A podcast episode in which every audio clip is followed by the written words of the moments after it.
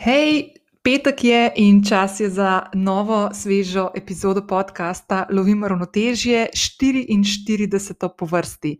In danes gostim spet enega moškega in sem blazno vesela, da imamo malo bolj razgibano tole družbico. Danes gostim voditelja, manekena, bivšega aktivnega športnika, moža in očeta Davida Urankarja. David je eden od tistih ljudi, ki me vedno, ko se srečava, spravi v dobro voljo. In običajno smo se v zadnjih desetih letih največkrat srečevala na dogodkih, ki jih je ali vodil, ali pa je bil, tako kot jaz, v vlogi povabljenca. V vsakem primeru smo si vedno vzeli nekaj minut za hiter pogovor, se updatala o novih uh, rečeh v življenju, ki se nam. Ki so se nam takrat v tistem trenutku dogajale, in sigurno smo si izmenjali veliko smeha. Davida sem spoznala tudi v vlogi voditelja dogodkov in kar nekajkrat se je zgodilo, da smo ga z naročniki izbrali in sem imela tudi iz prve roke možnost videti, kako najprej zaupanja vredanje, da se drži vse tiste stvari, ki se dogovorimo, tako da sem bila vedno zelo sproščena, ko smo z njim delali, in kako zelo strokoven je pri svojem delu. In vedno je tudi publiki oziroma občinstvu, povabljencem, ki smo jih takrat imeli na dogodku, naredil in pričaral res tak nepozaben večer, ponavadi bo to večer. Uh, kar nekajkrat sem ga tudi izza kamero opazovala ob vodenju obeh oddaj na televiziji Slovenija, to sta oddaj Dobro jutro in Automobilizem ki sta se prav v teh dneh vrnili na televizijske ekrane v sveži sezoni. Z Davidom se v tej epizodi pogovarjava o njegovi poti, od aktivnega športnika, ki je med drugim skoraj da ujel nastop na olimpijskih igrah, in to sem jaz vedela prvič v tem pogovoru, in še en kup drugih stvari, ki jih o njemu nisem vedela prej, pa o vodenju televizijskih oddaj, o manekenski karieri, ki ga še vedno pogosto pelje v tujino, kjer snema kampanje za velike blagovne znamke. David je leto začel tudi s svojim podkastom, ki sliši na besedo Automat, in lahko ga ujameš v tem zapisu epizode. Vsak torek te bo v tvoji najljubši knjižnici eh, podkastov pričakala sveža epizoda Automata. Sprehodiš pa se lahko tudi skozi prejšnje goste, med drugimi sem imela čas gostovati pri Davidu, tudi jaz. Eh, med ostalimi gosti boš pa lahko poslušala Mojco Mavec, Ulo Furlan, Filipa Flisarja, Boštjana Gorenca Pižamo, pa Trkaja, pa Jana Plestenjaka in še in še in še. In res, res, res so fini pogovori, tako dinamični, tako da uh, zelo, zelo priporočam. Ima pa David še dve veliki in pomembni vlogi v življenju, na kateri je zelo lepo in uh, krasno ponosen, kar je tudi prav, in jih zelo lepo predstavi tudi skozi najn.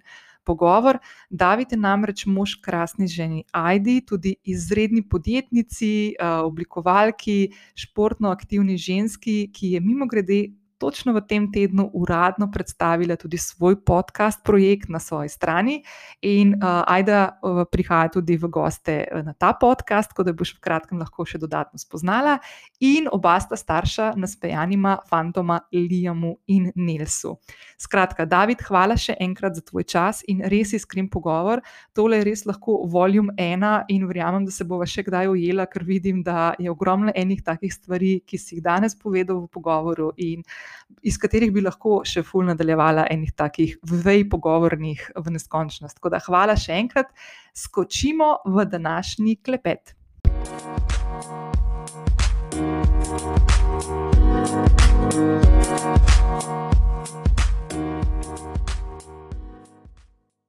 Evo, David, čau.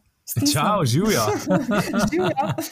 Evo, David, zdaj sem pa jaz na drugi strani, pa ti moram povedati, da sem uh, tako prijetno, vznemirjeno, metučkasto uh, ja. z tem spoštovanjem.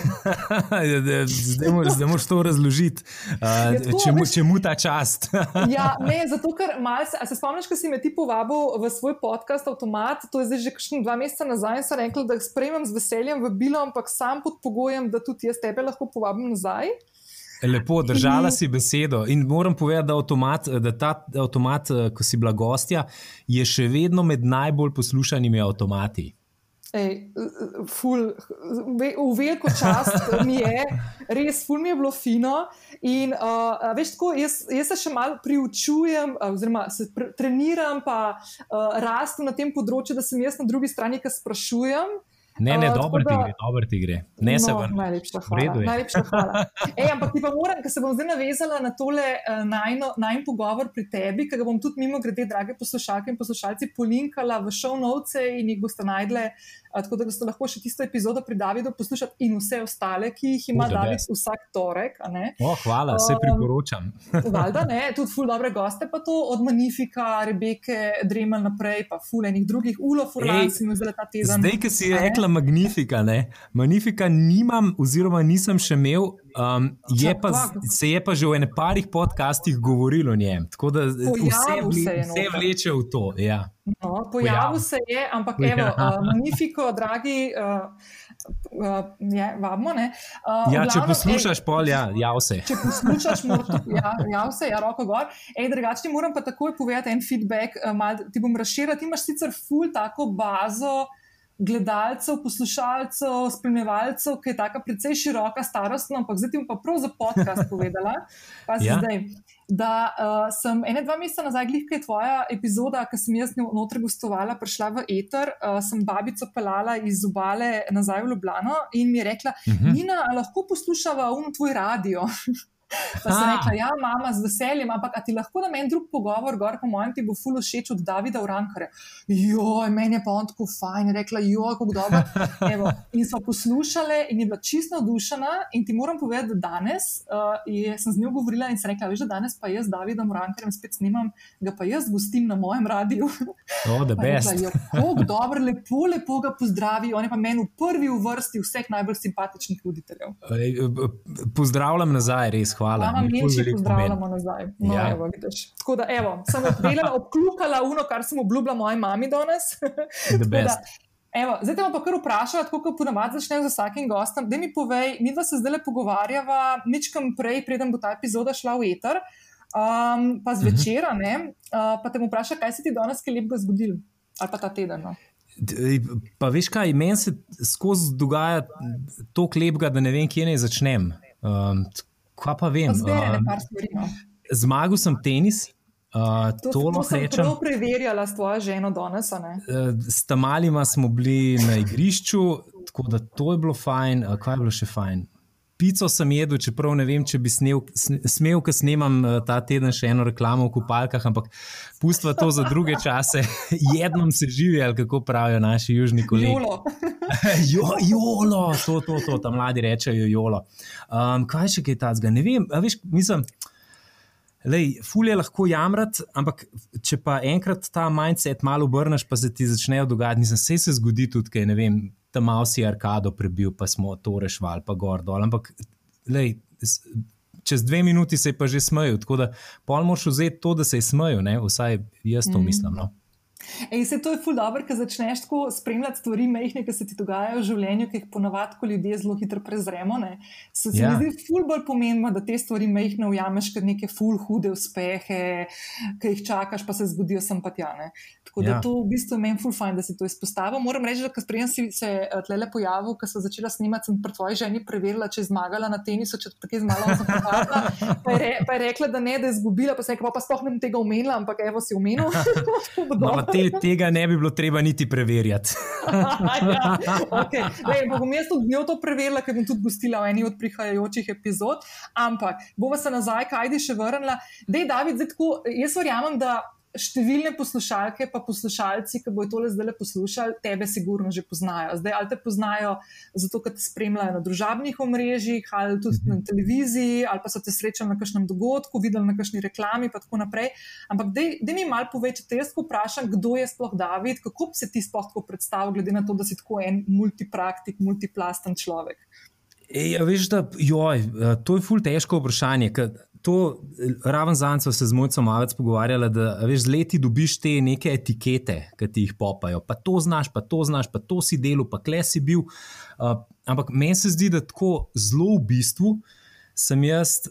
Prezenter. To pač ta angliška beseda. Je. Um, zdaj, pri nas bi lahko rekel voditelj, ampak v angleščini je mal bolj na showmana, se pravi, nekdo, ki zna ustvariti nek, nek mood, nek flow, pa veš, ne bo to v podkastu, na televiziji, na, na odru, ki vodiš dogodek, um, kar se igranja tiče, veš, reklame in tako. Um, ampak da, to, to, po moje, jaz sem. Veš, tudi, tako jaz sebe. Res ne jemljem čist kot novinarja. Čeprav mi kdo reče, kdaj, da sem novinar, ampak jaz tako rečem, vedno, joj, to je tako malo nespoštovanja do teh ljudi, ki se res trudijo, pa res upravljajo novinarsko delo. Veš, jaz, ok, naredim research, se pa pravim, gordo, ampak da bi pa jaz šel res raziskovati nekaj, kaj se dogaja z maskami v UKC-ju, uh, ali pa ne vem, da bi šel tjale na mejo snemati, koliko je dejansko ljudi šlo čez, pa zdaj gre v karanteno. Jaz mislim, da je to novinarsko delo. Jaz pač sem TV voditelj, jaz sem. Uh, good for talking. Tako, mhm. rad se pogovarjam z ljudmi, um, rad sem tudi na odru, mislim, všeč mi je ta adrenalin, ki ga dobim uh, in ki vodim dogodke, in ki sem pred kamerami, iz tega črpam. To mi je, po mojem, ostalo še iz športa. Uh, in to je, po mojem, tono. Mislim, če bi pa našteval, pa se veš, pa, pa lahko, uh, sam še pet ne znam. Ne? No, Hvala okay, Bogu. Da te povabo še kakšno tako oddajo. Ampak ja, ne, samo to je naprimer, to, kar si ti rekel, je v bistvu meni zbite tudi kot nekega voditelja, čeprav je res to mal bolj uh, osko, osko gledano na to, kar ti dejansko drugače počneš. Ampak lahko pa naprimer jaz iz ene druge, iz enega drugega zornega kota povem, naprimer, jaz sem te že uh, videla, oziroma smo te tudi že najeli na kakšnih projektih, ki sem delala kot voditelja nekega dogodka, naprimer, če zdaj zelo malo mhm. poenostavim. In kaj je bilo meni vedno pri tebi všeč, je bilo to, da smo se naprimer, pogovarjali o tem, kdo, kdo bi pasal naprimer, na koncept, pa koga bi povabili zraven. Si ti velikokrat zelo izstopil zaradi tega, tudi ne samo zaradi tega, ker to znaš, pa obvladaš, pa imaš kilometrino, ampak zato, uh mhm. -huh. ker človek, ki tebe naroči, ve, da se na tebe lahko zanese, da boš fu, s furo dober, da tudi če se bo zgodila kakšna taka nepredvidljiva situacija, ki bo zahtevala neko tako fleksibilnost, fluidnost, pa spontanost, da se boš ful dobro znajdel noter in da tisto, veš, kaj začutiš en tak. Um, ritem okolice, oziroma mhm. nekega, mhm. nekega atmosfere, ki ga nek dogodek ustvari, pa je vsak posebej poseb samostojen oziroma edinstven, uh, se ti ful dobro znajdeš v teh stvarih. Thanks. Uh, ja, sem, to... sem zelo vesel, da, da si mi to povedala, ker jaz tudi dojemam. To svoje delo, ne, kot takšno. Ne, da, veš, kot ti kdo reče, da je prid pa už nekaj povedal, ne vem, pa ti bo vzel pa ure. Ampak jaz to dojemam kot, le, če pridem jaz na oder, to pomeni za nekoga, ki organizira nek dogodek ali pa eno prireditev, da se pač z mano, da ga ne bo treba, veš, da ga ne bo skrbel za to, kaj se bo dogajalo z mano pač jaz sem tam in jaz bom naredil to, kar je treba narediti. Tudi če bo šlo vse na robe, bom pač stal za tem in probo izvleči iz tega maksimum. Iz, pač iz tega izhajam. Mhm. In je, veš, zato, ker se mi zdi, da je.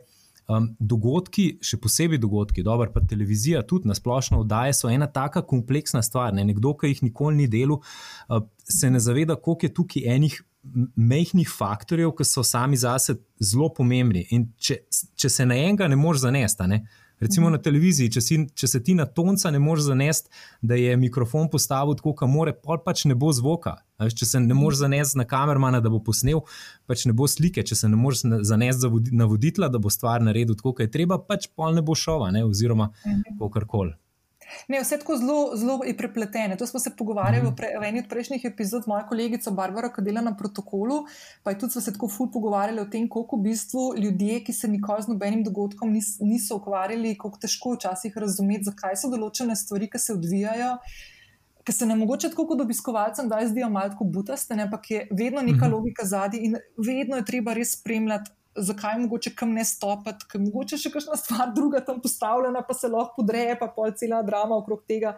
Ali pa naprimer, zakaj je fino spoštovati tisto, kar piše na vabilu, da je treba priti ob tisti uri, če je kakšen dreskov, da pač to se spoštuje, ker je vedno neki z namenom in ogromno enih ljudi je tukaj zadnji se trudili za to, da pol vse skupaj dobro zgleda in je tako narejen, kot je treba. Ja, se strinjam in še posebej protokol, njim pa res kapa dol, ne? ker mm. čim je pa en državen dogodek, pa imaš.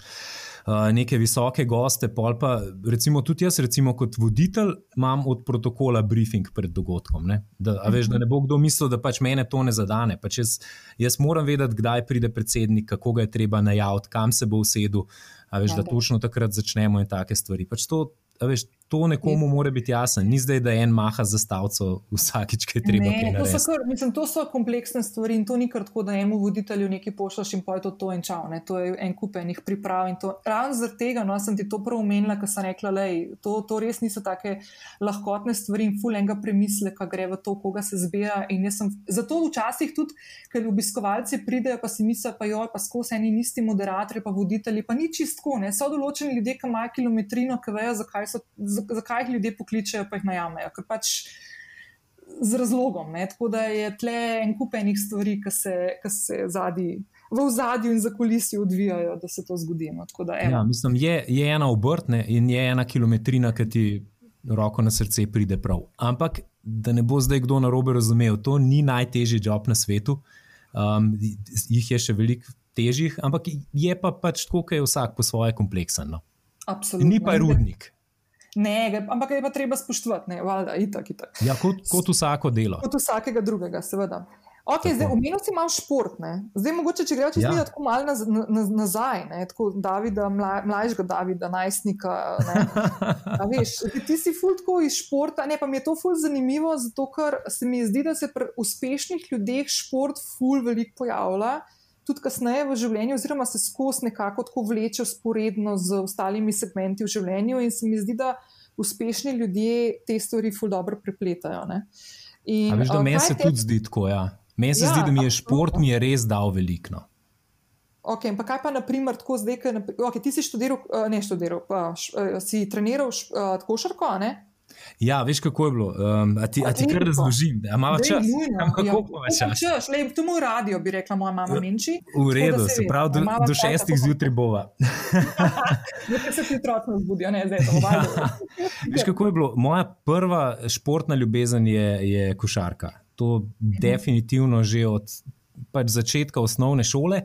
In pol sem vlekel to do enega drugega letnika um, srednje šole, ampak sem bil vmes tudi v atletki že tako relativno dober. Ampak nisem pa nikoli atletke tako prav za res treniral do drugega letnika srednje šole, ko sem šel pa Olin in takrat sem tudi dosegel najboljše rezultate. Se pravi, um, sem bil v atletki 400-400 uh, vere, uh, prej tudi šprinti v državni reprezentanci, sem bil državni prvak, uh, sem zastopil Slovenijo na Evropskem pokalu. Pač tako, res en, en lep del sveta sem videl skozi atletko. In pa sem ugotovil, ne vem, tako so bile ene tri, štiri sezone, ki jaz nisem tekel osebnega rekorda. Meni je bilo pa vedno, veš, vsako sezono moš napredovati, pač vsakič malo več uložiš, malo pogledaš, in pa na koncu sezone potegneš črto. In je bilo ravno v tistem trenutku, da so Hrvatije se uspeli kvalificirati svojo uh, Bob reprezentanco na olimpijske igre.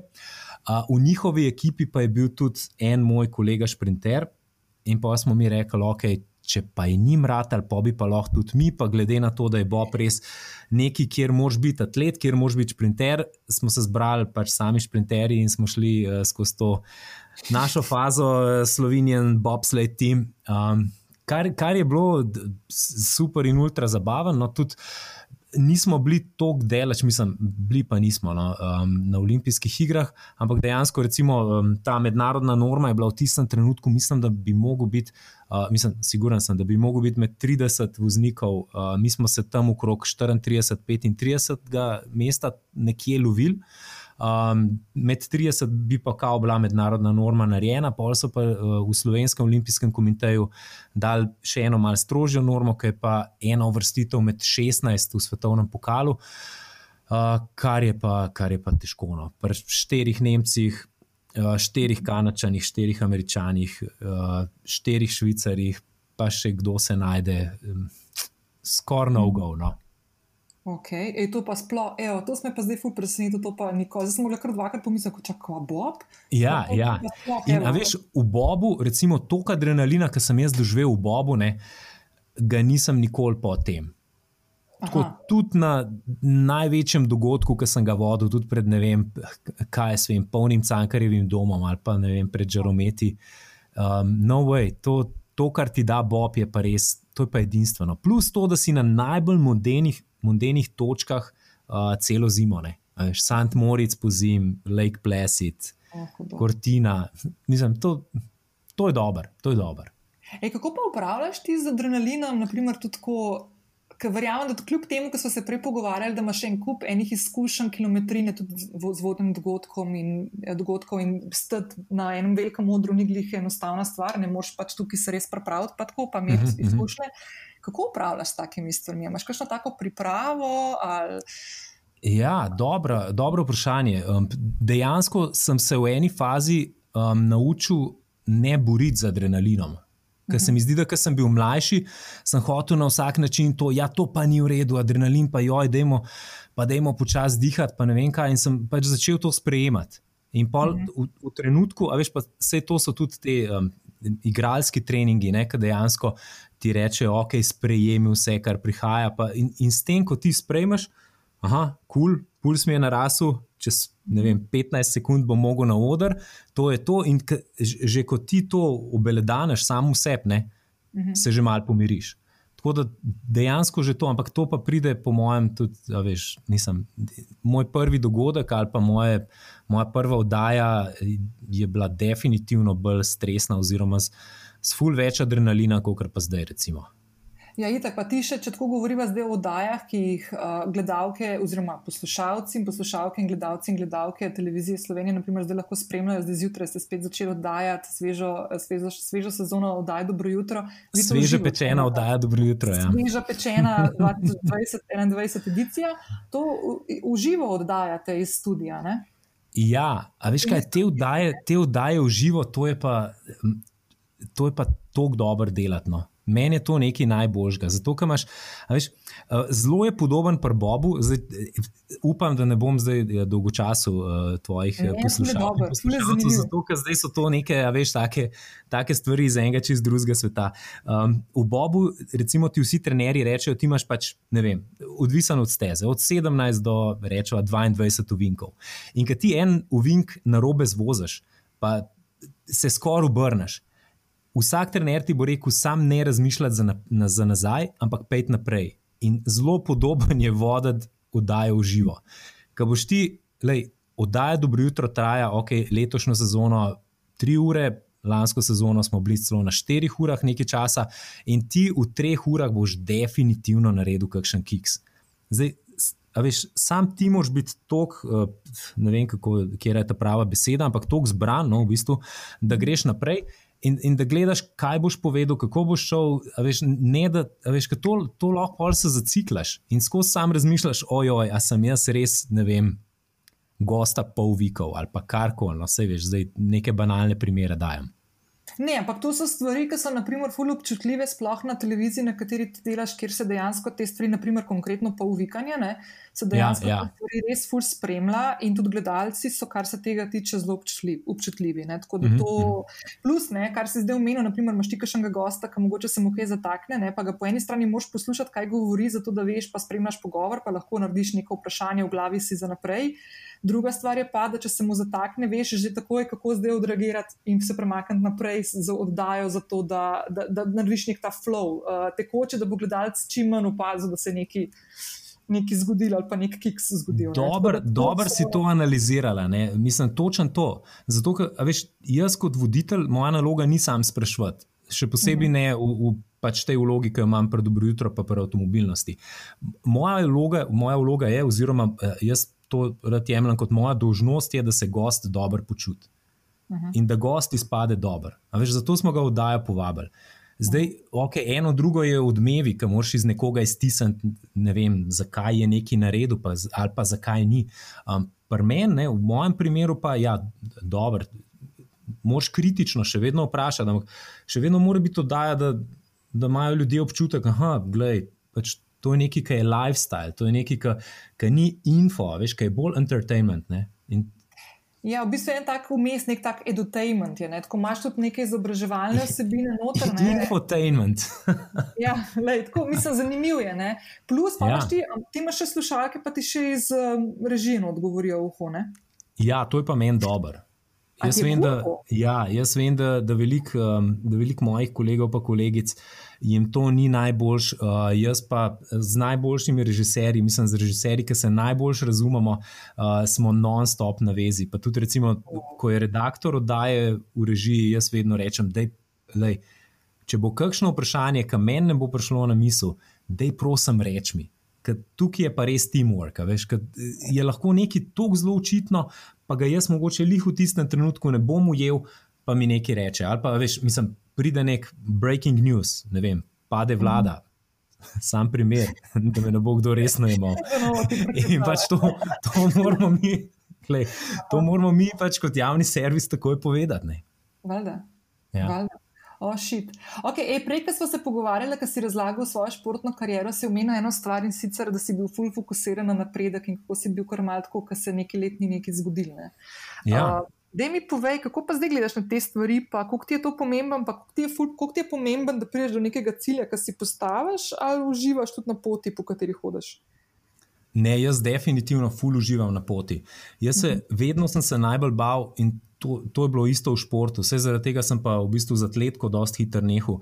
Uh, z Bobom sem imel zadnjo tekmo, pr, oh, jo, kdaj smo zadnjo vozili? 2010-2011. Uh, se pravi, jaz nisem bil takrat niti 30 let star, 25, 26 let. Uh, čakaj, sem prav zračunal. 85, 95, 25. 2015. Ja, niti 30 let nisem bil star. Wow. Uh, zdaj sem še sebe presenetil. uh, in dejansko, veš, mislim, ki večina, že pa atletki mi je večina rekla, joj, pa dej. Potegam še ne vem, pet sezon. Pa, ampak jaz sem imel feeling, da pač jaz res iz svojega telesa, pa iz sebe, kljub temu, da sem bil relativno mlad, no, dobro, mogoče bi, a veš, z mindsetom lahko več naredil, to je res. Pa Bob dejansko bi lahko vozil tudi do, ne vem, so eni vozniki, ki vozijo še deleč 40 uh, in so zelo uspešni, tudi nosilci olimpijskih medalj. Sam pač v tistem trenutku sem videl, da, da pač cela situacija ne bo šla v to smer. Uh, in da je, da je pač treba nekaj spremeniti, oziroma se fokusirati na, na nekaj, kar tudi rad delam, kar sem takrat že v bistvu delal na televiziji, uh, ne sicer v, v toliko velikem, toliko širokem okviru. Uh, Uh, ja, ampak mislim, ne bi rad bil tisti, ki se nečesa drži. A veš, kaj mislim? Ne bi rečel prepozen. Ja. Mhm. Tudi na ja. TV-ju, ne vem. Jaz sem rekel, ajdi, dej, veš, če boš videla, da sem jaz, da me čas povozil, da mi prosim reči. Ker preveč folka, recimo, ki je na televiziji, pa hvala Bogu, da, da imam jaz ajdo, kaj da je res full kritičen človek in tlemi, tlemi, absolutno res. Hvala Bogu, ni treba mislim, ne bi rabo čisto nobenega drugega, čeprav imam veliko ljudi, ki jim zaupam, pa ki mi povejo zelo realno. Ampak sam njo vprašam, ej, je to kul? Cool? Če bom videl, mislim, ne, bo, veš, ne bo šla v krog, pa rekla, joj, mogoče pa bo povedala, ja, kul cool ali pa ni kul. Cool. In ne bi rad bil tisti, ki se sam drži unga mesta, pač v enem trenutku meni je jasen. In tudi, recimo, um, moj prvi nasvet, ki sem ga v bistvu dobil od mojega kolega Robija, ki je takrat uh, z mano vodil žrebanje deteljice, prvo oddajo, ki sem jo dejansko vodil na televiziji. On je meni rekel, da je David na televiziji, pa nasploh v medijih je tako, da danes si, jutri te pa ni. In mhm. če, si, če imaš to čist sam en kanček zadnji, nekje v glavi, boš delal veliko boljš, pa boš pripravljen na to, ker veliko ljudi pač ni. Ne. In to se vidi, ne se vidiš, kakšna je struktura v medijih dan danes. Lej, jaz, jaz to zelo veliko o tem razmišljam, ker res moje, moje življenje je v bistvu fully prepleteno z mediji, čist na drugi strani, ne kot ti. Um, in mi je tako res včasih zelo težko gledati, ker se toliko stvari spreminjajo. In mm -hmm. jaz sem tisti človek, ki vedno tako pove, vedno, ko se pogovarjam s kakšnimi kolegicami, prijatelji, pa družinskimi člani. Pa, pa reče, pa ja, pa se ni panike, pa če en medij premanj, ki je na trgu, ne, se jih imamo itak veliko. Ja, v bistvu jih nimamo. Ne. Vsak medij, ki je na trgu, bi bilo fino, da ostane in da imamo čim bolj raznoliko, da čim bolj razpršimo stvari. Tudi tud lifestyle stvari, se ni treba imeti samo neke te resne. Ne, novite, definitivno. In meni je ful hudo, ker sem na drugi strani in ker delam z, z novinarji, veliki in uredniki in vidim, kakšne so razmere. Ni, ni prijetna situacija. Sploh pa zdaj letos se mi zdi, da je še tako, le, le, no comment, tako res noro, no, tako noro, noro, kaj se dogaja. Ne.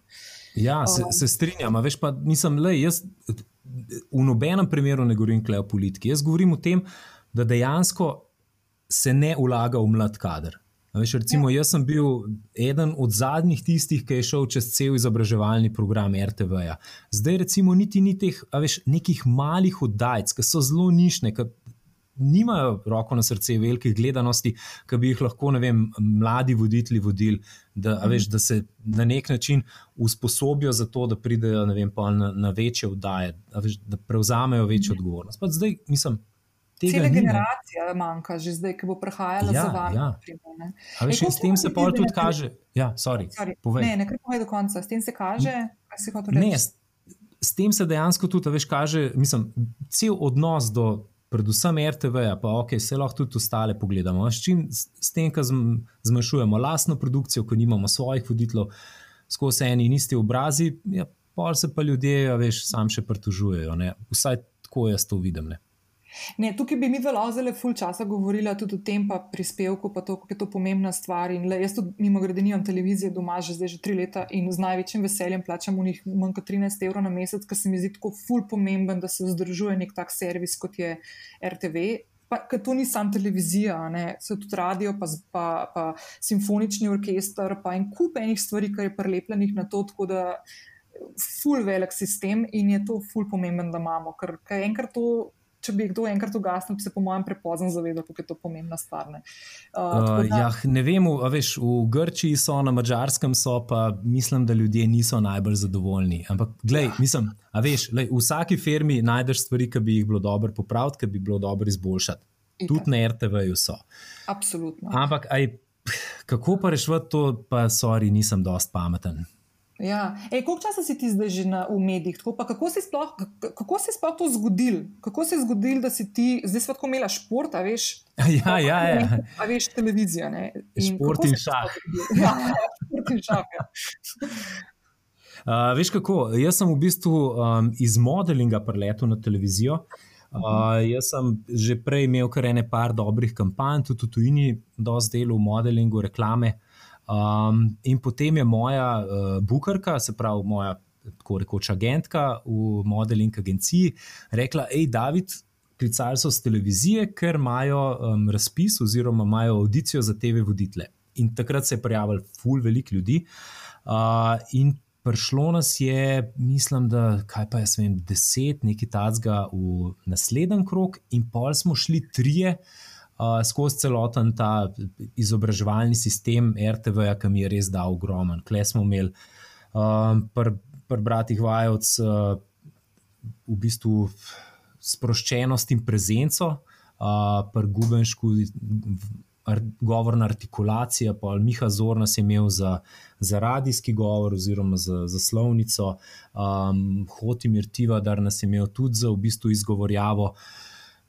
To je bilo tako. Jaz sem hodil tja, ki bi hodil na faks, veš, vsak dan po dve uri pa pol, nisem niti vedel, kaj bom delal na TV-ju, kaj za ene oddaje bi lahko pač dejansko prišle v poštev za me. Uh, ampak vedel sem pa, da me to vleče in da definitivno uh, sem pripravljen vlagati v to. In da mi bo nekoč prav prišlo. In to je ta pot, na kateri sem full užival, in pa sem dobil žrebanje deteljice. Evo. Ja. Zdaj, naprimer, zdaj leta 2020, ki se uh, ne bom rekel, zaključuje, čeprav je še 110 dni do božiča, ampak ok. Um, Se, ja. je, že čas, je že čas za, za komade na radiju, da je zdaj tudi čas za en jingle. um, na Twitterju je en full dober account, a Christmas countdown, ko vsak dan tako odšteva. Vedno prikaže, kaj ga odprem. Um, Kmalo bojo božički znižani v trgovini. Pa ponudbe božične. Uh, ne, ampak dej povej, zdaj imaš ti v tem, uh, zdaj smo septembra in ste že zaštartali konkretno v, v novo sezono. Uh, 2020-2021, uh -huh. in ti uh -huh. vodiš v bistvu um, dve oddaji na televiziji Slovenija. Res je. Uh, uh, dobro jutro, si eden od voditeljev in vodiš oddajo Avtomobilnost. Ja. Ja, okay. avtomobilnost in dobro jutro. Uh, zdaj, ja, zdaj ki si rekla, je september, veš, kaj sem pa res pogrešal čez poletje, poletno sceno. Zato, ker Ponavadi sem tudi eden izmed voditeljev poletne scene in letos je ni bilo, ker kao dogodkov ni bilo. Ja. Ampak jaz mislim, da je, en, da je bil to še en dodaten nož v hrbet uh, mojim kolegom, ki delajo v kulturi oziroma v glasbi. To je, mislim. Če pa kaj bi pa mogla biti v tem trenutku poletna scena, da pokaže, da te ljudje še vedno ustvarjajo, da te ljudje še vedno delajo, da so še vedno bili koncerti, uh, sicer bolj butične narave, da so še vedno uh, uh, slikarji slikali, kiparji kiparili in še vedno razstavljali. Um, in da, da ta izguba tega poletja, jaz na njo gledam zelo kritično, no? vsaj kar se kulture tiče. Ej, a veš, ker, ker dejansko sem jih danes brala, ne vem, pa komu sem to videla. Mislim, da na Facebooku en, en glasbenik uh, je napisal, da, da okay, dogodki so ena stvar, da nimajo koncertov, ampak to, da, da se jim v bistvu ubil to ustvarjalnost. Ne? -hmm. da se tako za njih svet ustavil v tem trenutku, da nimajo tudi inspiracije, da bi ustvarjali neke, neke stvari za naprej, uh, da bi bili kreativni, kar je dejansko tisto, uh, tisto žmoht, pa gonilno sredstvo vsakega umetnika. Ne? In ja, meni je to ja. to gledati, ker se mi zdi, da to prijem se bo to nazaj postavil, bo kar nekaj časa še. Ja. Še treba preteči. Ampak, ja, Glej, tako, da, ja, tako da jaz trkam na mizo, no, um, oziroma trkam na les, uh, pa tudi če je to moja glava, da, da, imamo, da imamo dobro jutro, uh, da imamo avtomobilnost, um, da te dve oddaji ustajata tudi v novi sezoni. Uh, in, in da bomo skupaj delali ene dobre vsebine in gledali, kam se bo razvijal tako avtomobilski, mobilnostni svet, ki je pred eno, enim velikim izzivom. Uh, Prvo jutro, pa se veš, to so pa teme, ki mislim, da se dotaknejo vsakogar. Kaj sem te hotel vprašati? To, zdaj pa povej, kako se je pa ta avtomobilska strast pripeljala noter. A to je bilo hmm. odvedno tako ali kasneje v življenju? Ne, odvedno je bilo tako. Jaz se še vedno spomnim in ta kavček še vedno obstaja. A veš, ti ta stari kavčki, ki so jih naši fotri nosili v službo, te usnjeni, ja. ta trdi. Ja. No, moj fotor je imel en kavček, tak za zaklent, in noter je imel svoje avtomobilčke. In pol, ki sem bil jaz dosti star, igračke. Aha. In pol, ki sem bil jaz dosti star, sem dobil dostop do tega, se pravi, kodo, da sem lahko ta koček odklenil. E, in pol, kasneje, valjda, ki so se nabrali tudi moji avtomobilčki, sva jih spet zaprla in dala od spodaj, e, zaprla za eno vrečo, da se prav gor ne nabira. In zdaj je raven ta trenutek, veš, kaj lijam star štiri leta, zdaj oktober bo pet. Ki pa že moj fotor, pa že vidim, da ga malo matra, da bi ta kavček spet odprl. Zato, prej je, a veš, on je tak uh, zelo pedanten človek in je, a veš, vedno, ko sem mu rekel, da je kaj pa če ti koče gor prenesel, pa je rekel, ej, mislim, da je še mal premajhen, ne, a veš, kaj on je videl, aha, igrača mu iz rok pada, to še ni ta prav trenutek. No, tako da zdaj, zdaj mislim, da bo ta prazničen trenutek za njega, za me in pa še najbolj pa za Lijama, da, da bo ta. Um, Družinski zaklad odprt. In tam noter so res eni, mislim, tako epski modeli in, in epski modelčki. No? Pa se veš, včasih so igrače tako delali, da so bile za skos. Da ne govor. Jaz sem mojega nečaka, dve leti starega, prva beseda bila po mojem avtu. In na tisočkrat v eni minuti ga lahko reče to besedo, in sredno či se zbuja, pa avto kliče. Je to, je to tako fascinantno in dejansko razmontira vse svoje avtorčke doma, ki jih ima. Ja, ja. Že, tako da res te igrače danes so ne, jaz ne razumem tega, to je meni drug svet. Ampak ja, avti pa, pa fanti, to je meni tako kar noro. No? In uh, zdaj ti avtomobilnost snemaš tudi kako, kar to tudi vsak teden. Ne? Ja, avtomobilnost je enkrat na teden, eh, ob četrtkih zvečer na, na TV Slovenija 2, pa podcast Automat, ki je pa. Ja, ki pa v bistvu gre, um, ja, v torkih gre ven, ampak ga lahko poslušaš kadarkoli, kolikokrat si ga želiš. Ampak ni samo v avtomobilih. No. Eh, to si ti sama videla, ker si bila tudi gostja. No. Ni kakšnih težkih, pa tehničnih zadev, kar se avtomobilov tiče.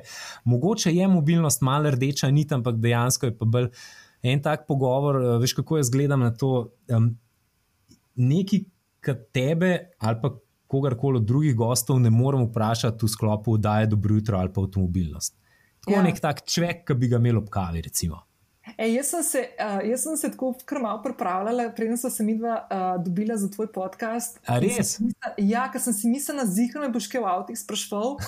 in, in si mislila, šit, zihar mu bo mogla reči, kako tudi imam cel stres, da moram imeti gumo. Res drugače nisem tako res leva. Ne? Ampak imam pa tudi nekaj stvari, ki so se mi z avti zgodile in dobim kar mal tak um, anksiozen napad, vsakeč, ki ga moram na servis peljati, zato ker sem imela nekaj takih momentov, ne, pa sem tankala dizel, ker sem imela včasih dizla, pa mi je crknil, pa smo ugotovili, da je voda noter, pa sem imela cele zaplete. Ah. No comment, pa full stroške, pa vse živo, pa se fajtala z njimi, ki niso hoteli priznati, v glavnem, full enih stvari. In sem tako mal, imam rada, da mi pač nekdo bi to zrihtel. A veš, in sem se pol mal dotaknila tega, če se spomniš, ko sem rekla, ja, da je ja. Imela enega, se, enega človeka, ki je prišel avto iskati, pa še nisem le inač raziskala tega trga uh, moških, ki delajo take stvari za ženske, kot sem jaz. Tako da ja. Ampak, um, ok, veš, kaj bi se malo premaknil? Modeling si tudi umenil, ti si še vedno ful, tudi uh mhm. -huh. aktiven v tem ne? in uh, hodiš redno, jaz, ko te spremljam na Instagramu, vidim, da redno hodiš v tujino, predvsem v tujino, snemati uh, oglasne kampanje. Zdaj vem, da si bil pred kratkim tudi v Avstriji, pa da si spet v enih hudih avtih se vozil, pa kavo delo. Ja, tudi to, tudi to, ja. To, ne, zdaj se nekaj šibaš, ne, pred tem vmes med tem, kar smo mi pogovarjali, pa ko bo tole izdano, boš spet nekaj delo, ne, v tujini. Uh, kako, kako, pa, mislim, kako ti usklajuješ vse te stvari? Zdaj, mi smo se še niso dotaknili tega, da, tudi, uh, da imaš pa še en kupenih vsebin, ki še za svoje družabno omrežje uh, uh, pač objavljaš, pa pripravljaš, pa sodeluješ z blagovnimi znamkami. Pa imaš pa še družino, imaš pa še ženo, pa dva otroka. Zdaj mi tako malo. To je pa tako, kot ena resna firma, tako kot en direktor bi lahko zdaj odgovoril. Veš, vse je odvisno od ekipe, ki jo imaš okrog sebe. Ne, dejansko, dejansko gledaj, ne vem, kje ne začnem. Mislim, kar se tiče tega, da lahko snemam, to je bilo.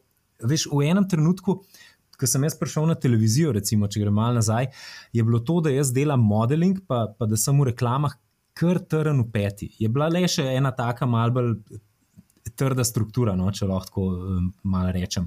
Um, pol so se pa navadili, oziroma jaz sem tako rekel, ok, jaz sem prišel iz modelinga, ne bom zdaj neki spustil za v tistem trenutku pač oddajo, ki sem jo delal, ki mi ne bi roko na srce pokrila niti prispevkov. Pustimo to. Ampak dejansko zdaj lahko delam oboje in tukaj gre full velika zahvala in, in uredništvu oddaje Dobro jutro in avtomobilnost uh, in mojim kolegom, ki so pripravljeni vskočiti. Veš, ker recimo, če jaz rečem, da v četrtek ne morem voditi, ker moram iti v, v Avstrijo recimo, ali pa v Italijo snemati eno reklamo, pa nekdo reče, hej, David, kul, cool, imamo, bomo. Veš, je meni to tako kamen srca, ker se veš, mislim, hiter bi lahko kdo začel komplicirati. Pa, polena pod noge, pa še, veš, še zlasti v svetu, kjer bi si mislil, da, da prevladuje ego. Ampak kar mhm. se mene tiče, pa kar se mojih ekip tiče, je, je to res. Um, mislim, ne, ne bi menil za nič. No. Tako, tako udobno in, in lepo um, in dobro, ki se jaz počutim v teh dveh kolektivih. Je težko povedati. No. Um, kar se pa doma tiče, pa, ja, to je pa že kičasta. Mislim, to, kar ja. se lahko po eni strani. Ja, to, kar se lahko recimo najdu, zanesem, um, pa tako, kot mi recimo dobro skupaj funkcioniramo um, in sta malima dvema in zajdo. In ne smem pozabiti tudi detkov, pa babic tukaj. No. Uh mhm. -huh. to, to bi bilo pa tako čist nefer, zato ker nam obema zajdo pri najnih projektih velikrat um, tako odnesete rit, da, da res um, mislim, hvala, hvala, hvala. No. Ej, se ful strinjam, pa veš kaj, da mogoče še eno stvar. Um, dodala, mogoče tako, da zdaj malo propeljem. Sem te prej malo poprašala, če te sploh lahko to vprašam. Pa se mi zdi ena taka stvar, ki se ful lepo naveže na to, da ti si človek, ki ima ful hrbtenico, ki ve, kaj hoče, pa stoji za svojimi. Uh, hvala. Ne, to res ne. Veš, to se je zdaj že tako parkrat pokazalo na določenih takih malenkih. Pa tudi, ko se te čuti, veš, to se čuti pri človeku. A je en tak, ki se obrača, kot veter zapiha, ali je pač en človek, z neko integriteto stoji. Pa gre to zdaj lahko za en bom rekla, tako po domač, buta stori, ki ga objaviš, ali pa, ja, ali pa zato, ja. da pač rečeš uh, javno, uh, poveš, da se z nečem ne strinjaš in zaradi tega tudi včasih se je že zgodil, kakšno kazen fašaš, pa si suspendiran, naprimer, na delo. A veš. Ja. Se ni, ne da bi zdaj to mogel, ne skozi vsak let narediti, ampak ej, vsaka čast, to, to ni veliko ljudi, ki to naprimer, naredi. Uh, hvala. Mislim, veš kaj, to, to izvira iz, a veš, spet če grem malo nazaj, jaz sem enkrat um, na začetku, ko sem začel voditi oddajo Dobro jutro.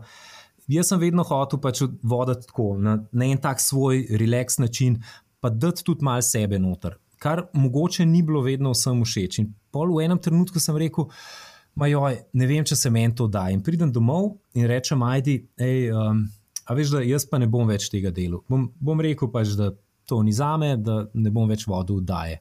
Pa pravi, ja, kaj pa je narobe? Pa tako, ja, glej, vse, kar rečem, ali pa če ne vem, nekmu gledalcu, ki začne bemtiti čez vse, ko pokliče v etero, da je dobro jutro, nekaj nazaj povem. pa pol ni v redu, pa se nekdo zapičil to. Pač, Ne bom več, ne morem biti, ne morem biti tam pred kamero 3-4 ure, pa politično čist korekten, pa samo ja, pa ne pa pustiti, da nekdo pluva, pa neč kontra povedati. Mm. Pa je da prav, ja, pa um, čakaj, pa deli to, kar si, ne, a veš, stoj na, stoj na svojem mestu, oziroma bor se za to, kar si, pa v kar si prepričan. Pa sem pa jaz rekel, ja, sam pol me bojo odpustili. Pa ona rekla, ja, čakaj, nisi lihka rekel, da si hotel nehati. Tako da, a veš, zaključek bo v vsakem primeru isti. Eno bo pač, da, da si ti šel on your own terms, ne, pač drugo je pa, vse veš. Ja. Lahko, lahko pa nehaš brez borbe. Uh, in pa sem se dejansko odločil, da, da, da bom gradil pač na tem, kar sem. In sem si rekel, pač, če, lej, če pa to v končni fazi bo res tok narobe, oziroma če, če ljudem res tok ne bo všeč, pa meni se zdi, da, veš, da, da ne prestopam meje, da so to ene stvari, ki so, mislim, ki bi mogle biti čisto normalno, normalno razumljive. Aj tudi, recimo, ki si omenila, takrat, ko sem bil jaz, ko sem bil jaz suspendiran. Ne. Jaz sem rekel, da nimamo vedno vsi enakega mnenja, bi mogli imeti pa enake pravice. Mhm. Zdaj, a, a se to tebi sliši tako narobe, a se to tebi sliši, da sem se preveč opredelil? Recimo? Ne, meni se to, pa to je bilo koliko časa nazaj. Uh, veš kaj, Liam je bil mehen, tako da dejansko, dejansko le, plus to ne.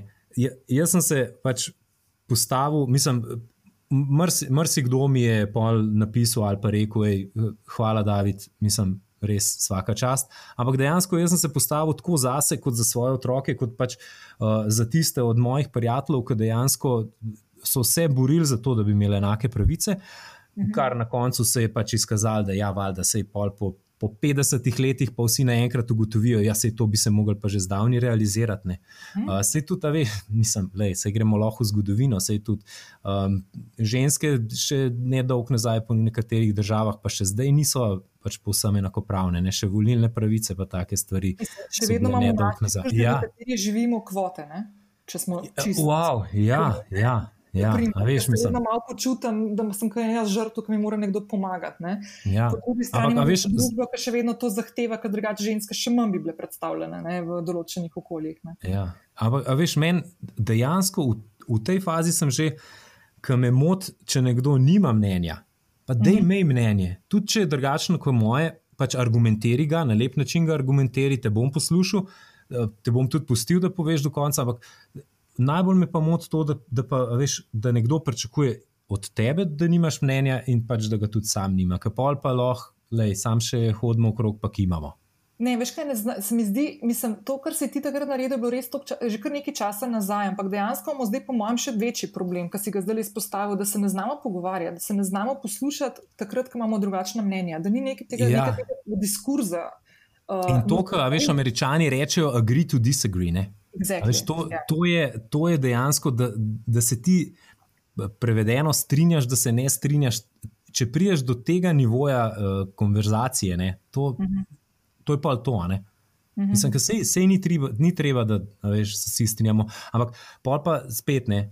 Pač neki so pa človekove pravice, uh, pa, pa enakost, pa to, da je klepa. Prosim, mislim, da imamo malo sam zdravo pamet, pa ni tukaj levih, pa desnih, pa kdo je koga 20 let nazaj, pa kdo je koga 60, pa take Mhm. stvari. Daj- Dajmo to odklopiti, pa dajmo sam pogledati fakte, a je, a je ta enak meni in zakaj ne bi bil in zakaj je to narobe. Pa to, kar Tam- želiš sebi, pa svojim najbližjim, želi tudi drugim. Ne? Ja, A veš, definitivno. Ne. A veš, že- to lahko zasluži. Oziroma, ne, zaslu, sploh ne gre za zasluž, to mora imeti dostop do tega. Ne? A veš, že tako se velikokrat zgodi, da kaj, mislim pa ne namenoma, ne, da kdaj koga prizadeneš. A Itak. veš, ti čistko, niti ne veš, nekaj spregledaš, ne vem. Uh, en mail prehiter pošleš. Ne?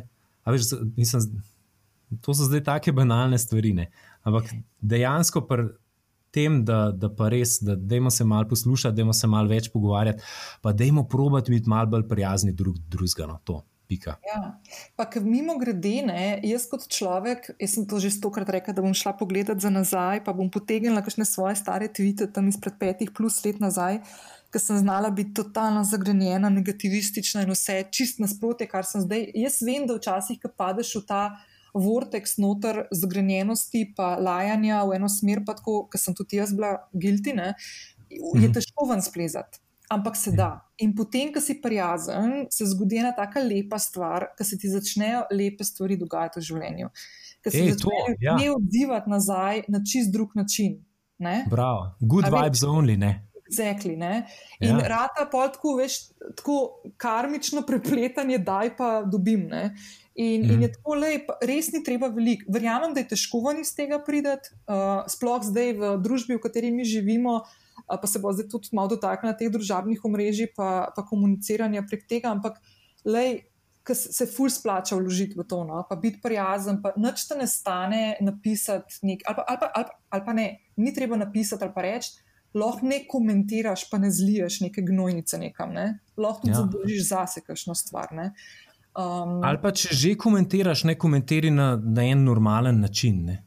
kot a bi veš, želel, tudi da nekdo tehnik ja. reče. Naprimer, Veš, ne. jaz, mislim, jaz preberem komentarje in preberem tudi vsa sporočila v inboxih. pa to, in Če mi nekdo normalno napiše, jaz razumem, vem, da dobim kakšno sporočilo, kdaj ne, da zakaj imam roke v žepih, ko vodim da dobro jutro. In jaz čist razumem, da koga to moti.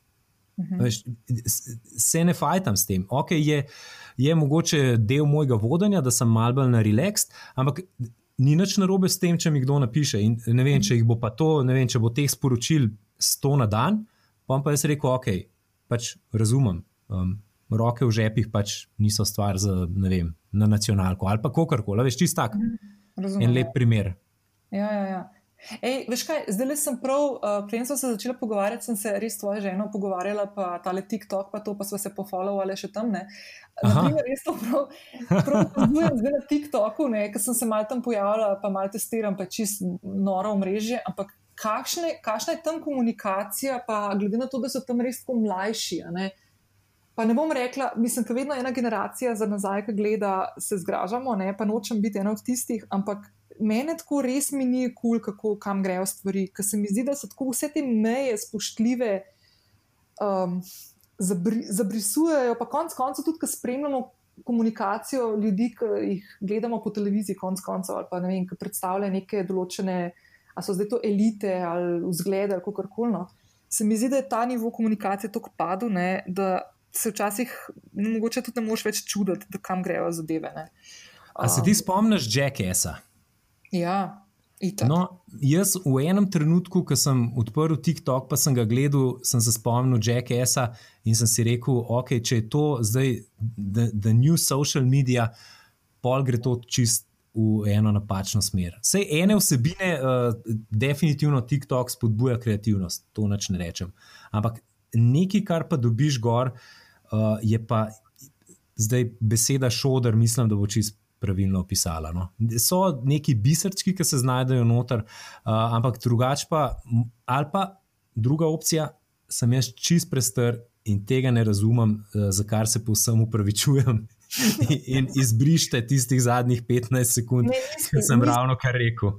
Ne, ni, veš kaj je, jaz sem imela isto furo še kakšen mesec nazaj, isto sem razmišljala, pa sem si pa malo več časa vzela in sem šla gledati. Jaz ti moram povedati, da sem si toliko enih videov na TikToku shranila, toliko Mhm. enih stvari videla in, in informacij. Evo, primer, ok, tako uh, TMI, ampak dobro, nima veze. Jaz sem v- svojem stanovanju en, še ena taka stvar, ki bi rabila enega hišnika, da bi imel servis, pa prišel malo zrihtati. Jaz imam ful problem z WC pokrovom. Ker imam Mhm. eno školko v Ljubljani, ki zgleda je edina v Ljubljani, ok, pa ta pač moj blog, edina in jaz, edini pokrov za školko, ki ga dobim, stane 70 evrov. In razbila sem, pa, pa pokvarili so se mi že štiri, odkar sem dve leti v tem stanovanju, tako bolano. In Kaj pa delaš ti z njimi? Ne, vem, to je, to, vsak mi to reče, moj oče mi skozi reče, ga prosim, da mi pride spet zrihtati, mi reče, pa kako greš ti na veci, le tako kot vsi ostali, jaz plešijo, pa ne vem kaj. Ampak vedno mi, mi grejo eno ali pa v drugo smer, pa sem jim šraufi na medejo, le, grozen. In zdaj sem na TikToku pogruntala, ker sem en video videla, kaj je bilo. Tako da moram verjeti. In sem si ga shranila, da naslednjič, ko mi bo spet školko odfuralo v eno smer, bom dejansko na ta način zrihtala. Ker evo, le, po dveh letih sem na freaking TikToku ugotovila, kako moram spet delati pa te šraufe. Veš, samo ne šraufe noter, a veš, ko se noter padajo. Ja, ja. znane le cel drama. Le, poh, ti, si, ti si ena živa reklama za TikTok. No? Le, jaz sem ja, pa, jaz sem pa uga, ugasnil za nič, po dolgem času sem šel spet na TikTok in sem dobil 97 videov, kako si eh, ljudje, pa po, po večini stari od 12 do 14 let, pa pol nabašajo usta z mentosi in spijajo Coca-Cola čez. Ja, in pol jim ta Coca-Cola čez nos ven useka. In sem rekel, pa dobro. A, a, tega meni, ja, mislim, zakaj in te videe so imeli vsi po žmiljavžen to gledal, in sem spet rekel, kva, eh, če je pa res eh, to prihodnost. Veš, to je medij, ne? Ja, mi se moramo zavedati, da, da recimo tako, kot je bil, bil časopis, radio, televizija, Facebook, Instagram, je zdaj rad tudi TikTok. Uh mhm. -huh. In skozi to se bojo plasirali, oziroma se že plasirajo. Uh, neke osebine, neka prepričanja in neki marketinški izdelki. Itak. Ja. In zdaj, če, če bomo prek tega, mislim, pa, pa je mislim, pa, pa Trump še nekaj najboljšega, kar se nam je zgodil. Naprimer. Ja, ja. Ne, ampak okay, le, zdaj, zdaj mi je ful dobro, ker smo ful lepo se navezala uh, do tega, da so prišli do državnih omrežij in tega, kako tudi ti te stvari jemliš in kako. Um, kakšno špuro furaš. Ne? In to je meni tudi tebi, na primer, ful všeč. Ker se mi zdi, da veš tako.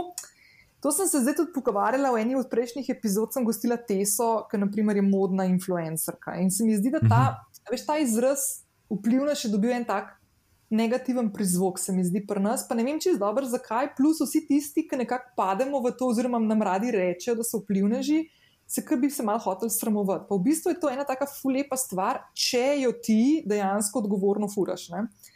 Ja. Um, se mi zdi, da ti si, naprimer, eden od takih ljudi, ne? zdaj prej si omenil, da imaš pač kičasto življenje, pa se moram strinjati, ker res pač stori. Ampak dejansko me je fulo všeč, kako ti prepletaš naprimer, um, te neke zasebne vsebine z vsebinami, ki konc koncev sodeluješ z blagovnimi znamkami. Pa me zdaj fulo zanima, na podlagi česa se ti, naprimer, odločaš pa rečeš ja enemu podjetju, ki, se, ki te kontaktira, pa reče, da bi želelo s tabo sodelovati na ravni, ne vem. V pripravi vsebin za, druža, za tvoje ja. družabno mreže, ali pa konec koncev tudi podcast, mogoče. Ne? Ja, veš, kaj, mora biti bit nekaj, kar dejansko je, je del mene. No. Uh -huh.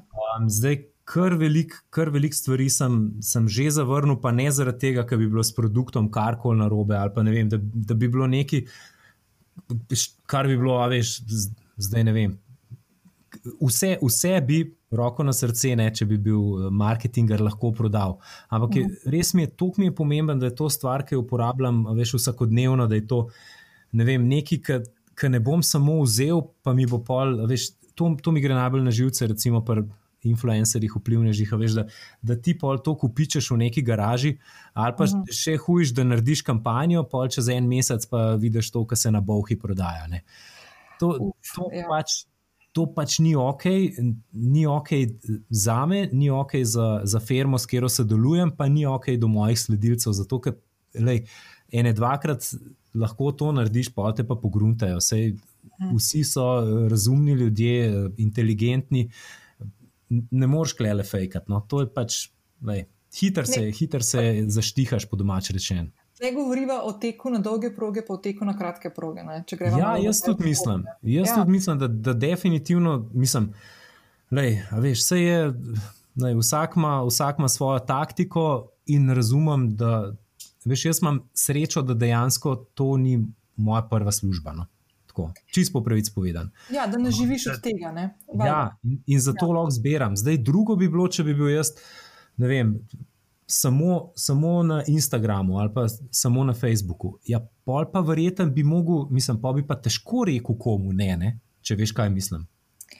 Hmm, ampak jaz pa mislim, ker smo se prej že pogovarjali, kako imaš ti hrbtenico. Pa, to, pa, pa mislim pa spet, ful pomemben poudar, tukaj ne gre, tukaj si ti rekel, da ne gre za to, da če nekomu rečeš ne, da je z njim nekaj narobe, ampak dejansko, da ne gre v sklop tvojega, ja, tvojega ja. stila oziroma tega, kar ti želiš predstaviti, ker se ne boš poistovetil s tem in bo po fejkan zgledal.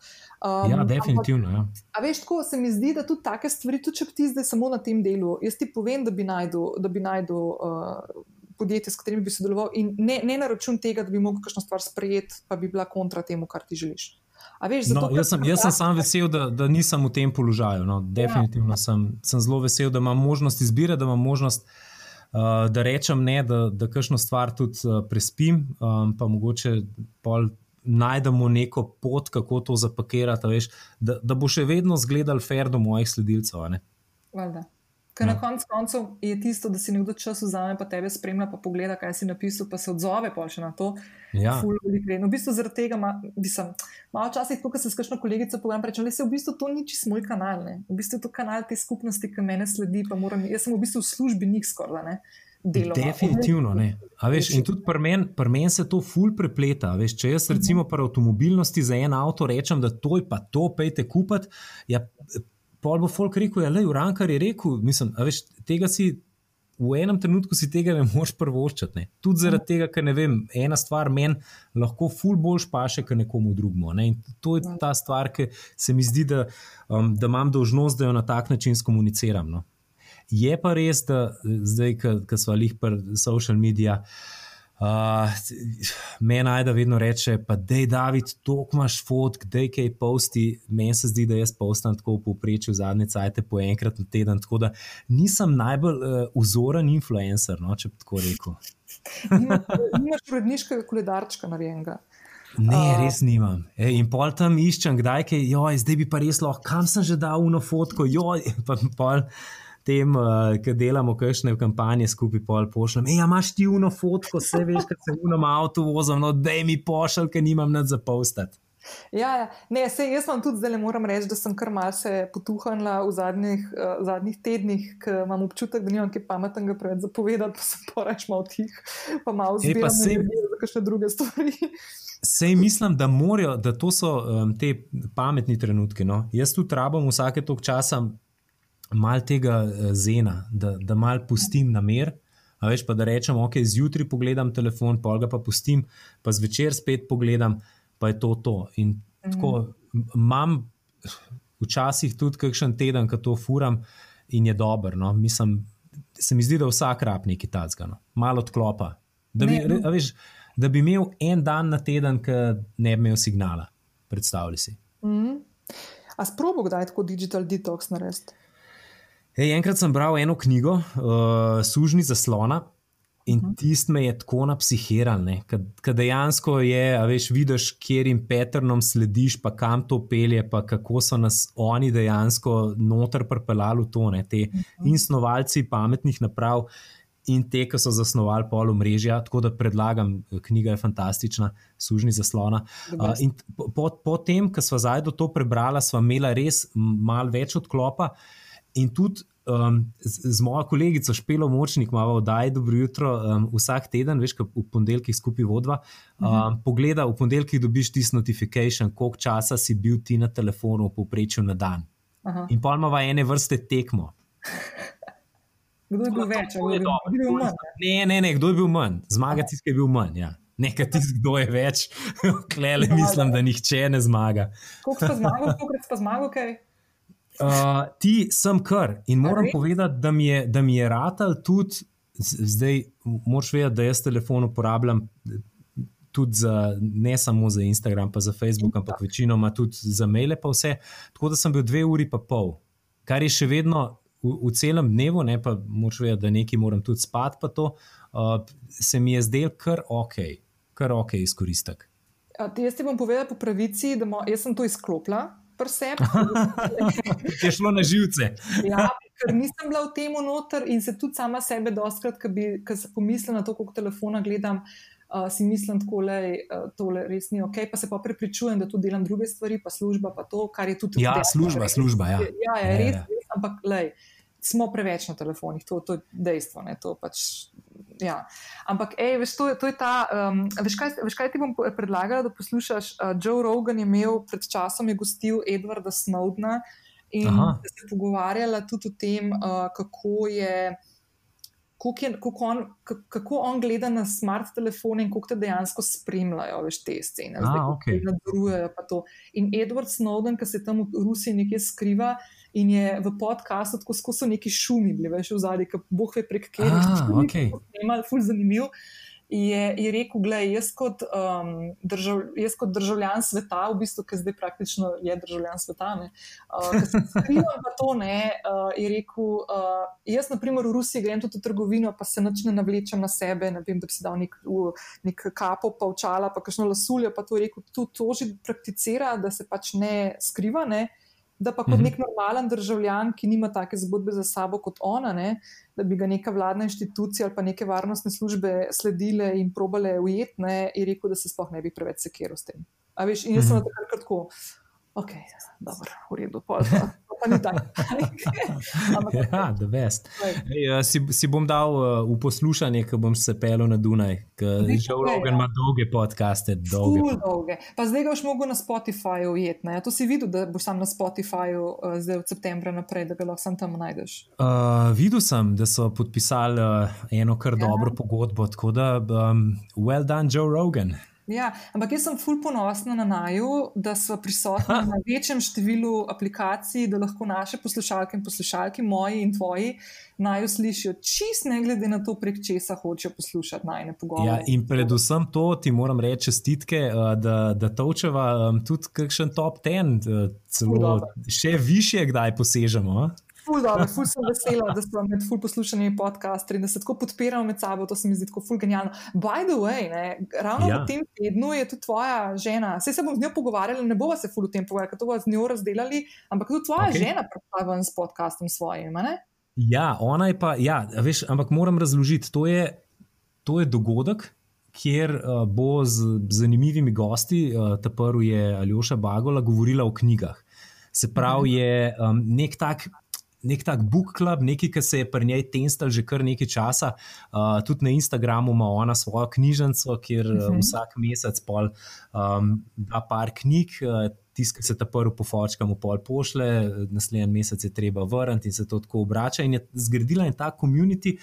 Uh, in to je bil ena taka ideja, naslednji pač logičen korak, ki bo pa, ja, valjda, zdaj zaradi korone, pa dogodki, pa take stvari, uh, bo to na voljo tudi za, v poslušanje na podkastu. Tako da uh, ne, mislim, da se, da se vsi že ful veselimo, ona se veseli, um, jaz tudi, se veš, jaz tudi zraven imam metulčke v trebuhu. Lej, to je to. Ej, ja. ful, dobro, mi dva se sicer pogovarjava, preden bo ta prvi dogodek za Ljošo Bagalo, uh, ampak ko bo pa poslušalke to poslušali, bo pa glih kakšen dan potem in obljubam, da bom tudi Aido povabila v goste, zato ker se mi zdi tako res genialna ideja poleg tega, da je Aida tudi ena fuz zanimiva sogovornica, ki sem jaz pa na enem drugem podkastu poslušala in spoznala še bistveno bolj, kot jo dejansko poznam. In Aha. jo absolutno moram povabiti, tako da se mi zdi to ful dobro, tudi da se malo križajo te razni uh, gostje, pa to, veš, pa se na vsakem podkastu malo drugače postavijo, pa predstavijo. Ne? Tako da mi je to ful, ful dobro. To podcast... je res. Pa še midva, še midva zajdo sva tako različna, da um, ne boš dobila dveh podobnih podkastov z nama kot gostoma. Sploh se ne, me ne obremenjuje, to se nisem videl, da je ful da best, tako da ful dobro. Um, ok, dejva še čisto za na konc, knjigo sem že povedal, ampak veš, kaj me sam še zanima. Dej mi povej, na kaj si v življenju tako najbolj ponosen. Pa je lahko osebno ali pa poslovno, ali pa kje je tista stvar, ki ti prva pade na pamet. Wow, ej, pa, pa ne vem, to je tako klišejsko. Zdaj, najprej sem pomislil, da je, je Liam splavil. Recimo. To sem bil noro ponosen. Um, a veš, to je tako, kot ljudje rečejo ne vem, kaj si mlajši, pa nekdo po televiziji reče, sem ponosen na svojo družino, pa si tako, a da je nehino. A, a že spet. Ja, ampak, veš, jaz ti moram razložiti celo zgodbo, kako je Liam splavil. Mi smo bili na morju in smo ga mi dva zajdo učila, kako je treba plavati. Ne? In pol je bil na morju z detkom, pa z babico, tastom pa taščo. In sta ona dva rekla, da je rokavčke dol, ne, da bomo malo trenirali, pa on rekel ne bom splavil, ko pride ta oči pa mami za vikend. Ampak mi dva tega nisva vedela. In pa smo mi dva prišla v soboto eh, na morje in smo šli do morja, on je šel brez rokavčkov in je splavil. In pol, ja, in pol kasneje je Barbara Tašča rekla: Čakaj, malo, ampak to je, to je on napovedal. Tako da dec se je odločil in je splavil. In mislim, nisem tako ponosen na to, da je on splavil, kot na to, kako je on to šefovsko izvedel. To je pa meni tako, veš. Mislim, to je pa un karakter, veš. Ja, ampak a, a veš, tega pri štirletniku ne pričakuješ. No? Vem, ja, da, ja. Ej, ampak, ja. A veš, kaj pa, sem, veš, kaj pa jaz zdaj skozi misli, ko se s tabo pogovarjam? Eno stvar, ki naprimer, ful spoštujem pri mojih kolegih moških, oziroma pri vas moških in general. Um, uh -huh. Ker pokažete, pa, pa zdaj bo to tako izgledalo, da veliko jih ne znam, ampak eh, moški doskrat kakšne taka čustvene stvari skrijete, oziroma nočete, ste tako malo obremenjeni s tem, kaj si bo ljudje mislili, če ste pokazali, da ste čustveni. Ali ja. kažete kakšno stvar, ki mogoče ne znate, neko ranljivost. Meni pa ful všeč, meni se pa zdi, da je moški tak detsko, ta pravi, veš, močen, ja, karakterno, ja. tu mi je dobro to, kar pove. Ej, to mi je pa tako, da bi jaz, jaz na primer, kar ste rekel, klišejsko, meni se pa to sploh ne zdi klišejsko, meni se zdi pa to tako carsko, da spovedal, pa izpostavil. Od vseh stvari. Hvala, lej, lej, sej mogoče zdaj, ko še en poslušalec reče, pa pišu kao rankar, no, da je nekaj, vsi otroci so že splavali, pa kva zdaj to govoriš. Ampak, lej, meni men je to nekaj tako, kar si mi rekla, prva stvar, ki mi je padla na pamet. Pa, a veš, pa tudi, recimo, ki si rekla, um, ajdem projekt na svoji strani. Až ful sem ponosen, mislim, tako res ponosen, da se je ajda lotila nečesa, ki je tok izven njene cone obdobja. Uh mhm. -huh. Ker je dejansko ona je dizajnerka. Um, ona je, vse veš, te minimelovske, ki jih dela, to so, to so igračke. Ona v bistvu kot, kot prezenterka dejansko v tej vlogi še ni bila. Veš, to, uh mhm. -huh. to je, in, in da greš v to. Mislim, moš imeti jajca. No. Tako da, ali to je to? Pa še tebe ima doma, ki v bistvu pa si notor v tem. Veš, uh, ja, ja, pa, pa ni, a veš, pa ona ni rekla, da je ti vod. Bom jaz naredila event, pa da je ti vod. Ne, ona je rekla, ne bom jaz to shendlala. In to je tisto, ki je pač eh, respekt na še višji ravni. Exactly, ampak to je tista stvar, ko včasih, veš, jaz, naprimer, res ko fulkrat gledam strica mojega, ki je iz Amerike, pa njegovo ženo, ki je američanka. Pa, naprimer, Aha. ona ful lepo govori slovensko, sicer pač valjda malo indijansko, ampak ne glede na to, ona se je mogla od svoje tašče, ki ni znala, ki je bila še živa, ni znala angliško, se je mogla pač slovensko naučiti, če ste se hoteli pogovarjati. Ja, in, ja. Um, In, naprimer, ona govori z otroci, ki prijo v Slovenijo na obisk, ali pa z mano, kdaj se tako zezam, ali pa z mojo babico Menči, naprimer, da spet omenjam, se pogovarja čisto lepo slovensko in sledi debati in čisto čist korektno se pogovarja, ampak samo pa njega strica ni zraven. A veš, to sem to zdaj omenila, da v bistvu se mi zdi ful dobr in za Aido sploh, tako da se je odločila ena taka stvar, ki je, naprimer, ful tvoje področje. Človek rekel, je hudiče, pa se ste pa zdaj doma še dodatno, te bo ki je už kakšen kiks naredila, pa to ne, svojo pot gre mi je ful dobro, da gre v to noter. Ja, ja. Plus, zdaj, tako kot si omenil, pač zdaj se tudi vrna nazaj v službo. Porodniški, pa še en side project, ima, ki je full raste, eh, te igračke, minimelovs, pa to, pa, pa še to. Mislim, to so tako tri službe, veš, mislim, plus familija, pa vse živo. Ne? Lej, ne, go, ne govor mi. Jaz, jaz ne razumem, uh, odkje črpa toliko energije, pa, pa toliko navdiha, pa toliko enih idej. Um, to, mislim, lej, to, to je um, to definitivno eden izmed mojih navdihov.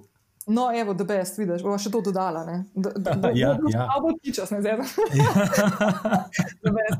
ok, da mi pa staj še povej, kaj pa še poraz? A, a tako, a, a kako, kako gledaš na poraze? Pa tudi mogoče vsega ni treba čisto konkretno omeniti, če nočeš. No? Ampak kako pa gledaš naprimer, na poraze v življenju, ko, zgodil, ko so se ti zgodili? Uh, ej, ne vem, mislim. Spet, veš, tisti, ki ni še nikoli nihče rekel, je poraz je nekaj, kar je slabo, ampak lahko je še slabš. Če se noč ne naučiš. Mhm. Ja, se tiši sporazum, ne valjda. Uh, probam se, probam se. Uh, mislim, veš kaj, ve, jaz sem, klej pa spet ta šport, ker po eni mhm. strani ti da to disciplino, pa meni je dal ta, uh, to handlanje s stresom, uh, z adrenalinom, po drugi strani mi je dal pa ta uh, self-observation. Se pravi, mi smo imeli, veš, vedno na vsakem treningu, vsaj pol v kasnejši fazi karijere, kamero, ki je snimala. In ti si po mhm. vsakem treningu si pogledal, kako si vem, s korakom prišel na uvero, kako si z roko zamahnil, kaj je treba popraviti, na čem je treba delati gor dol. In to je, recimo, meni najbolj zanimivo, kdaj poslušam intervju s kakšnim voditeljem, tudi tujim, ko reče: Jaz sploh nimam televizije, jaz, jaz ne gledam svojih oddaj. Mhm. Da se rečem, pišu, kako pa pol veš, kako to zgleda. Uh mhm. -huh. veš, to je tako, kot bi ti rekla, ok, zdaj sem pisala blog ali pa zdaj sem uh, pisala priročnik za, za neko malo podjetje, ne, s čimer se tudi ukvarjaš. Um, in, in tega ne bi prebrala. Ma sej sem spisala, nekaj sem skupaj vrgla, le siguren je v redu. Uh mhm. -huh. To je tako, mislim, ne fair do, do bralcev, poslušalcev, gledalcev, kako koli. In, lej, a veš, kako je človek, mislim, kako se je tebi sama sebe poslušati ali pa gledati? A ti povem po pravici? Mislim, ni mi treba, zato ker to, to je vsakmu, a veš, to je tudi meni. Meni je ful dobro, jaz ti lahko povem po A je pravici. tebi je dober? Jaz sem ja, tebi je rada dober. narcisoidna, pa sem všečna, jaz tu nikoli nisem bila. Nič narobe. Ne, ne, ne, meni je to ful dobro. Jaz sem ful enih svojih kompleksov pozdravila zaradi social medijev. Okej. dejansko. In meni Okej, je to to. To je dober switch, to je dober Ja. switch, ampak večini ljudi je pa to težko.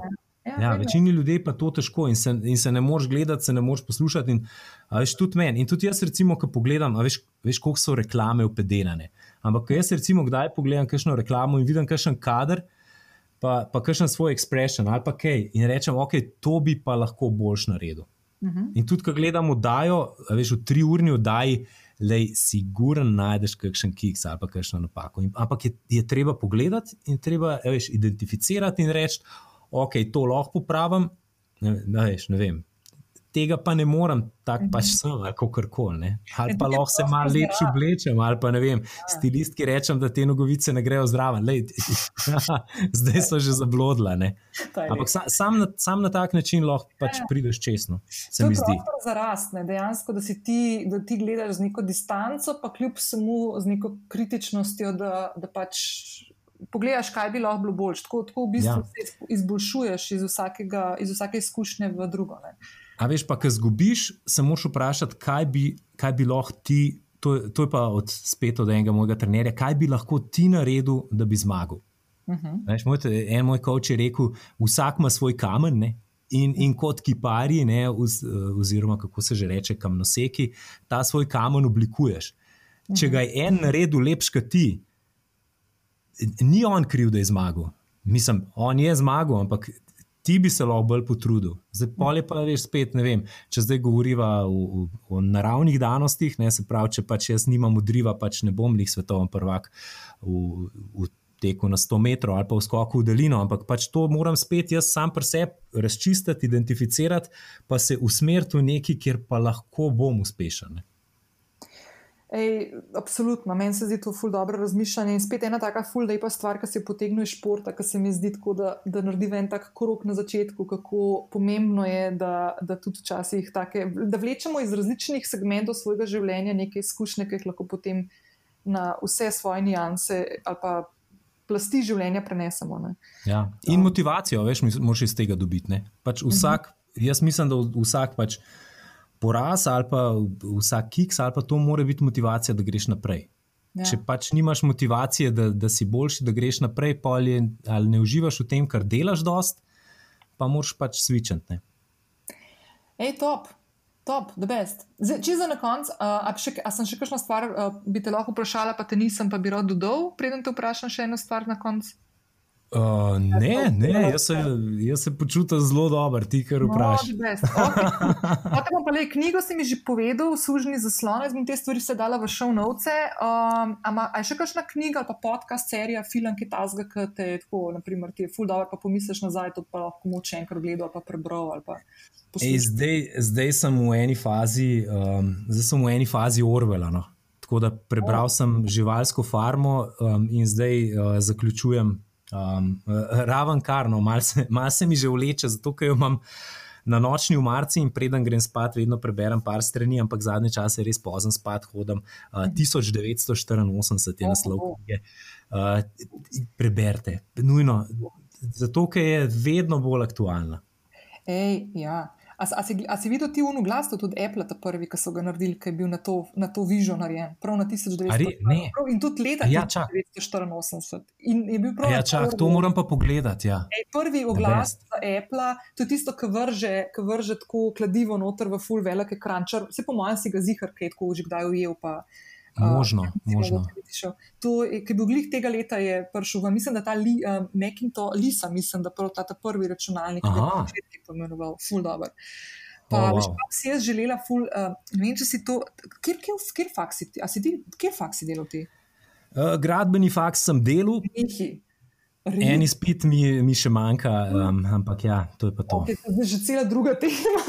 To pa čizdi. Ja, ne, ampak, ne, ampak ja, uh, čakaj, kaj si, kaj si že rekla? Uh, podcast, uh, podcast, Ja, težje, povej. zelo priporočam. Zelo Ja, priporočam. okay. To zdaj tako Ah. zgleda, da vsakemu rečem, pa, da to mora povedati. Uh, na, na svoji strani zelo priporočam. Ne, ampak Aha. dejansko, a, a lahko grem malo v mojo prvo ljubezen, v basket.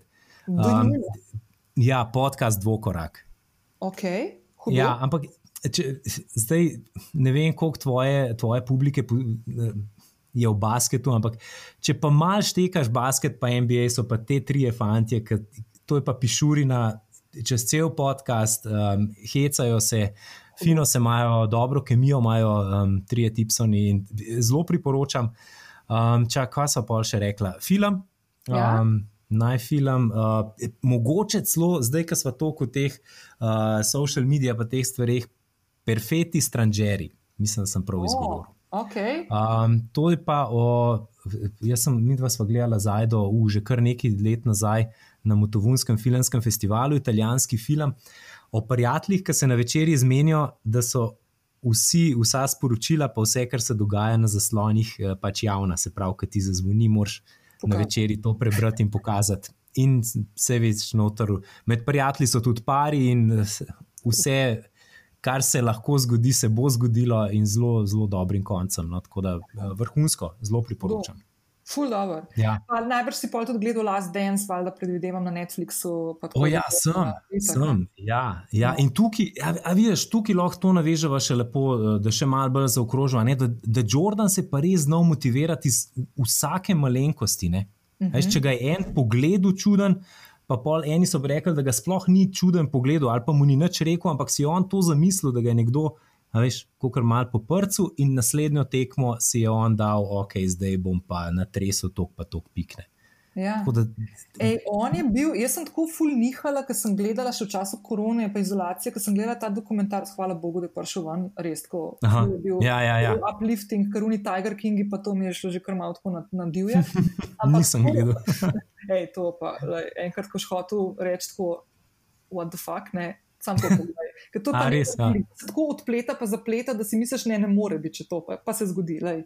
Oj, Ampak oj. tako, res, z- mislim, fascinantno. Ne, ampak veš kaj, nihala sem ful pri tem Jordanovu The Last Dance med tem, a, a, a, a, a, a ga obož, občudujem, obožujem, me navdihuje ali pa bi mu šamar dala. Ne. Tako, uh, Mhm. Res je taka, tako, ne bom rekla kontroverzna, ampak tako zelo, zelo taka dualnost v njemu. Uh, kar po mojem, vsak tak velik človek, ki se na nekem položaju znajde, kot je bil on, ne, uh, z vsemi pričakovanji sveta, sveta ki so gledali ga na vsaki tekmi, ne, se mi zdi, da to kar mal moraš, mal, mal moraš biti tak. No. Um, Ne, jaz mislim, se strinjam. Jaz mislim, da veš, in te pritiski medijski, ki so se vsaj v tistem času dogajali, mislim, vse se tudi zdaj, ampak on je bil, on je bil res, mislim, vse veš. Jordan, Jezus, ja, pa. Coca-Cola, to je, to je pač sveta trojica. Ne. Ja, ne, hudo, res carsk. Ej, ful dobr, David, jaz sem ful, ful vesela, uh, da sva se ujela, ful sem ti hvaležna, da si si vzel čas v vseh svojih uh, dnevnih aktivnostih, uh, lovljenju tamavčkov uh, in, in tenisu in podobnem. Uh, Ko mi čakam, da se vidva, videla se bova, po mojem, če ne prej na Aidenem dogodku, uh, tako da se ful veselim in uh, ful ti hvala. Čakaj, že konc ali kaj? Ker jaz sem lih komi začel. Ja, je leč, pa po mojem, bo, leva, boš kaj, dala jaz tu voljum ena, bom naslovila. Po mojem, je par tem zihar se zdaj še odvil pa zgodil, ki bi komot lahko še uletela še tja, tako da, ampak absolutno se bo še slišala, pa kaj poklepetala. Ej, Nina, najlepša hvala, da sem lahko s tabo lovil ravnotežje, pa upam, da se res čim prej vidva, da, da spijeva eno kavo ali pa kaj hujšga. Da bes, z veseljem. Po mojem, kaj hujiš, po mojem, pa sem tako dobila, kakšen gin tonik. Ja, dobro. Ej, super, Špica. Ful, ful, hvala, lepo, lepo se mej. Ej, hvala, enako. Čau, čau. Evo, pa so prišli do konca. Hvala, David, še enkrat za tvoj čas in res iskren, iskren pogovor. Ful mi je bilo veselje in gotovo se bova kmalo spet kaj poslušala in pogovarjala in srečala in tako naprej. Uh, ne pozabi pa, draga poslušalka, dragi poslušalec, da te spode čaka povezava do zapisa te epizode, kjer najdeš med drugim uh, tudi povezavo do Davidovega avtomata, do podcasta, ki ga snema vsak torek in ga oddaja prek tvoje najljubše podcast knjižnice in tudi Aidin podcast podcast eh, na svoji strani, sem vključila, ker se mi zdi krasno, da se tako lepo podpiramo, podcasterji in da vam, dragi poslušalke in dragi poslušalci, dajemo možnost, da zbirate še dodatne in spoznavate nove vsebine, ki vam lahko pridejo prav na poti v službo, iz službe ali pa tako, ne vem, ko greste na sprehod. Tako da hvala še enkrat, lep petek in še lepši vikend. Čau, čau!